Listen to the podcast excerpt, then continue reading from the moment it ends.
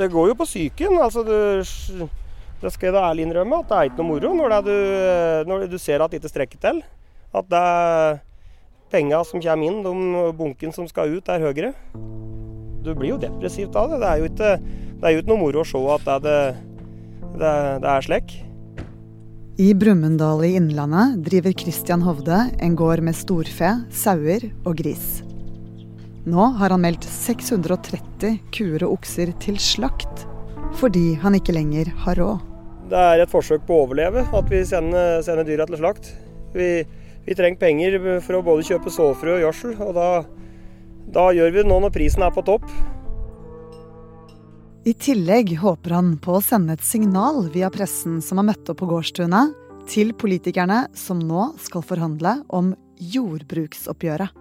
Øh, nå har de hatt så mange muligheter til å prøve å rette opp til det, og sett både gjødselpriser og dieselpriser uten at det har kommet noe som helst. Og det er jo, folk er blakke. De har jo ikke penger til å kjøpe gjødsel engang. For årets oppgjør kan bli skjebnesvangert for flere enn bare Christian Hovde. Han er en av 40 bønder som har meldt inn alle dyrene til slakt. Som betyr at de mest sannsynlig må legge ned gårdsdriften. Du hører Forklart fra Aftenposten. Jeg heter Synne Søhol. I dag er det tirsdag 3. mai. Er det vemodig i det som skal skje nå snart? Nei ja, det er det ikke. Jeg bare så muligheter i stedet. Så får ikke gjort noe med ting som har skjedd, han kan bare se framover. Så sånn, sånn, er det bare. Så vi bare se nye muligheter på hva han skal drive med. Som mange bønder er Christian Hovde en som tar ting med fatning. Men hvert år på denne tiden pleier det å bli relativt dårlig stemning rundt forhandlingsbordet når bønder og politikere skal krangle om jordbruksoppgjøret. Hvert år så møtes representantene eh, for bøndene og representanter for regjeringen for å forhandle om hvor mye penger eh, det norske jordbruket skal få av eh, staten. Anne Sofie Bergwall er økonomijournalist og skriver bl.a. om arbeidsliv og lønnsoppgjør i Aftenposten. For å forstå hva den dårlige stemningen handler om, så må du vite hvordan jordbruksoppgjøret funker. Altså, bønder er jo ikke som vanlige arbeidstakere. Eh, de får ikke lønn, fordi de er jo sine egne sjefer. Så hvert år så lager bøndene et budsjett hvor de anslår utgiftene sine og inntektene sine. Eh, og hvor mye som blir igjen til det man kan kalle lønn. Altså, når bonden har betalt for eh, strømmen og for kraftfôret, og solgt noen dyr til slakt, hvor mye penger har bonden igjen til å kjøpe klær, til å betale for middag og mobilabonnement osv., så videre, sånn som vanlige arbeidstakere. Eh, og ca. en tredjedel av de inntektene som bonden har, kommer fra staten. Eh, fordi at det ikke alltid lønner seg å drive med jordbruk i Norge.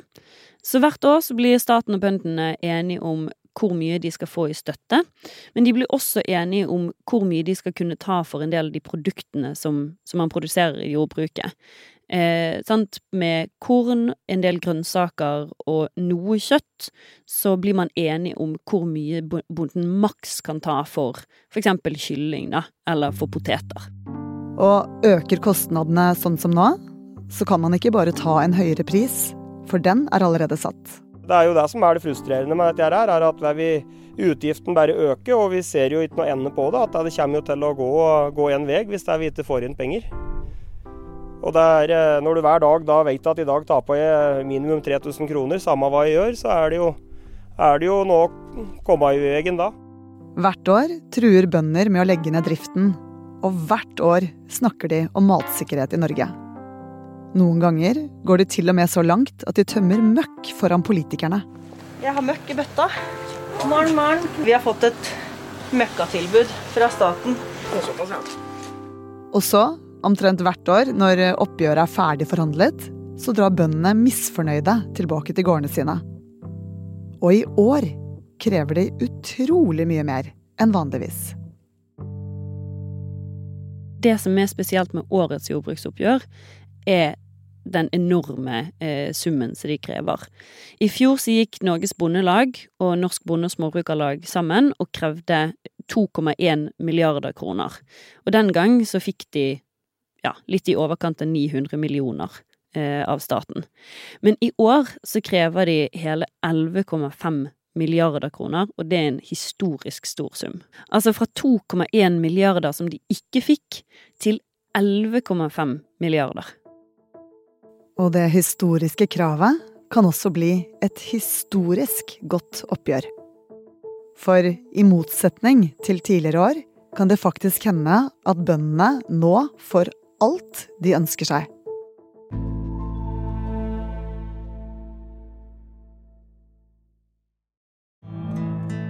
Anne Sofie, hvorfor krever bøndene så mye mer i år? Altså De siste årene har jo eh, vært veldig spesielle, eh, spesielt den siste tiden. Har vært ganske annerledes enn en før. Og bøndene de er jo veldig vant til at prisene går litt opp og litt ned.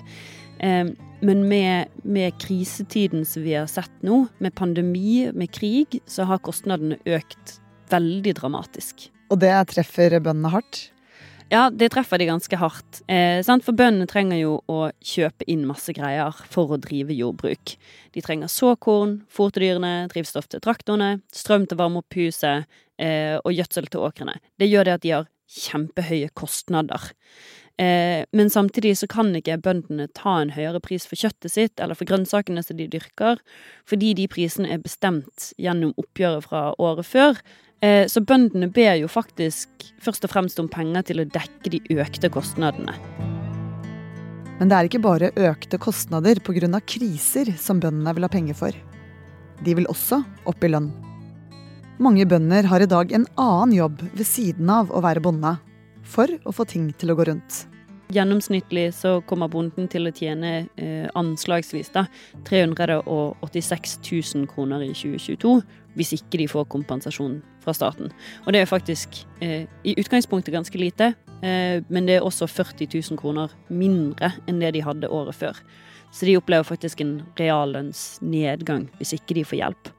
Så tydeligvis da så tjener de ganske mye mindre enn en vanlig arbeidstaker. Eh, og akkurat hvor mye, det er noe som regjeringen prøver å finne ut av nå. Men i årets krav så krever de en gjennomsnittlig lønnsøkning på ca. 100 000 kroner eh, for å kunne ta igjen resten av oss vanlige arbeidstakere. Så pga. høyere kostnader og ønske om høyere lønn, er kravet i år historisk høyt. Vanligvis når bøndene snakker om matsikkerhet og konsekvensene av at de må legge ned, så virker det ikke som om alle tar det like alvorlig. Men i år kan det være annerledes. Det kan være at bøndene har mer støtte i år enn det de har hatt tidligere. Eh, og vi har jo hatt to år hvor det har vært et sterkt fokus eh, spesielt på matsikkerhet.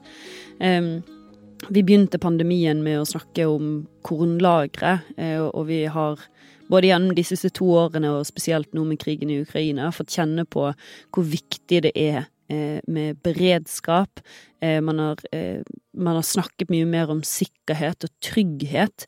Så det kan nok være lettere for bøndene å få, sympati blant, blant nordmenn nå enn det det har vært tidligere. Hvor viktig bonden er for Norge, avhenger av hvem du spør. Men de ekspertene Anne Sofie har pratet med, trekker i hvert fall frem to ting. Matsikkerhet og distriktspolitikk. Det første, sant, matsikkerhet, handler jo om å sørge for at Norge er mest mulig selvforsynt med mat. Um, regjeringen har f.eks. et mål om det at Norge skal produsere 50 av, av den maten vi spiser. Eh, og vi ligger jo allerede på 46,5 eh, som er ganske bra. Um, men det blir jo vanskeligere uh, å nå det målet hvis bøndene syns det er så vanskelig å drive at de legger ned. Eh, da, da, vil vi jo muligens kunne havne under det 46 eh, eh, prosenten som vi er på nå. Det andre argumentet, altså distriktspolitikk, handler om hvorvidt det skal bo folk i distriktene. For å ha bosetting i distriktene, så er det viktig med, med landbruk og jordbruk. Det er hjørnesteinsbedrifter. Det sørger for sysselsetting. Det handler også om beredskap. Både sant, matberedskap som vi snakket om, men også brannberedskap. Eh, det er en ting som veldig få tenker på, at bøndene faktisk er kjempeviktige for å stoppe skogbrann. De brøyter veiene våre, eh, traktorer stiller opp til veihjelp når det har vært ras. Eh, Bønder er jo Det er stort sett bare bønder som har svære traktorer på standby. Um, og så er det også viktig, uh, har noen pekt på, da, for kulturlandskapet. Uh, fordi at hvis man ikke har dyr ute på beite, så gror rett og slett Norge igjen. Uh, så det kan være viktig for turistnæringen også. Så bøndene bidrar på mange andre områder i samfunnet enn bare matproduksjon? Absolutt. Veldig mange områder som man gjerne ikke tenker på også. Men nå er det allerede 40 gårder som har meldt inn alle dyrene sine til slakt. Og flere kan følge etter.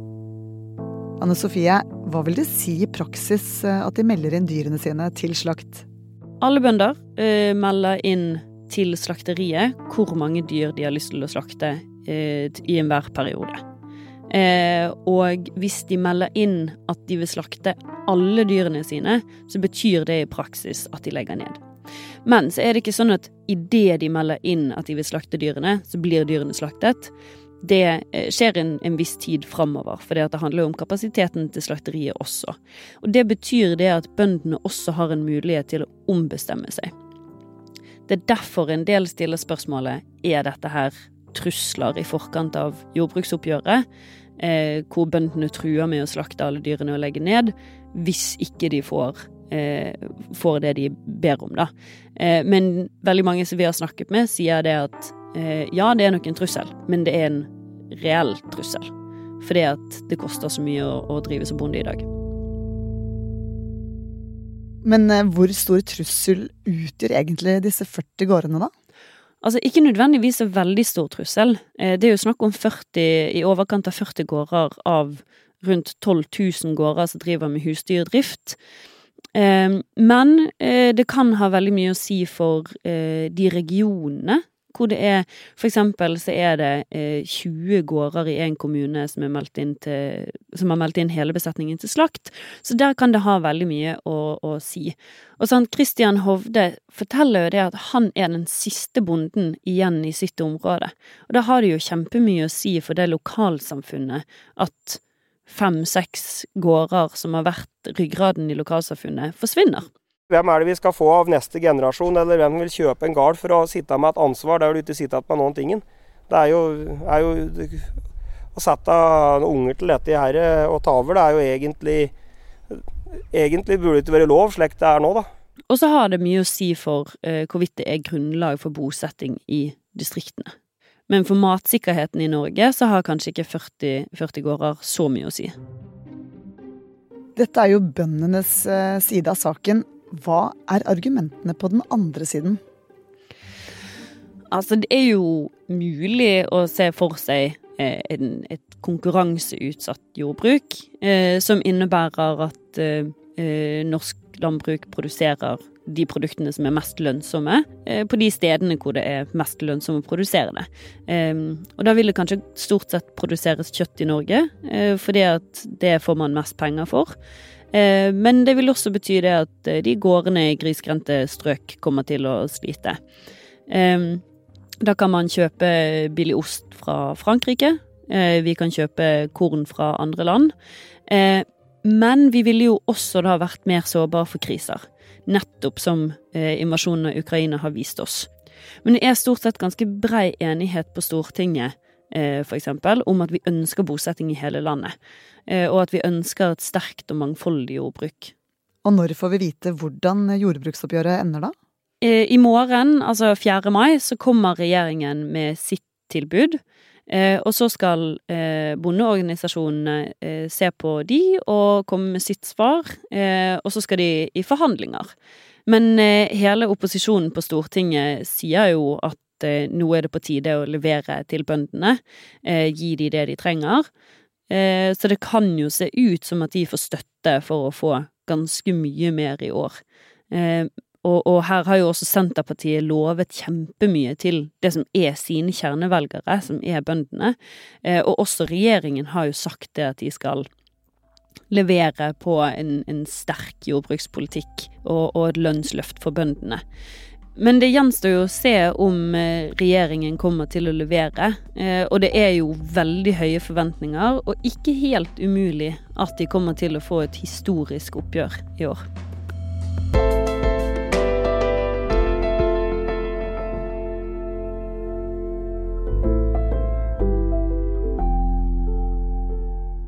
I denne episoden har du hørt Anne Sofie Bergwall forklare jordbruksoppgjøret. Intervjuet med bonden Christian Hovde ble gjort av Tuva Hilton. Lyden ellers er fra NRK. Det er produsent David Vekone og meg, Synne Søhol, som har laget denne episoden. Resten av Forklart er Fride Nesten Onsdag, Marte Spurkland, Anders Weberg og Anne Lindholm.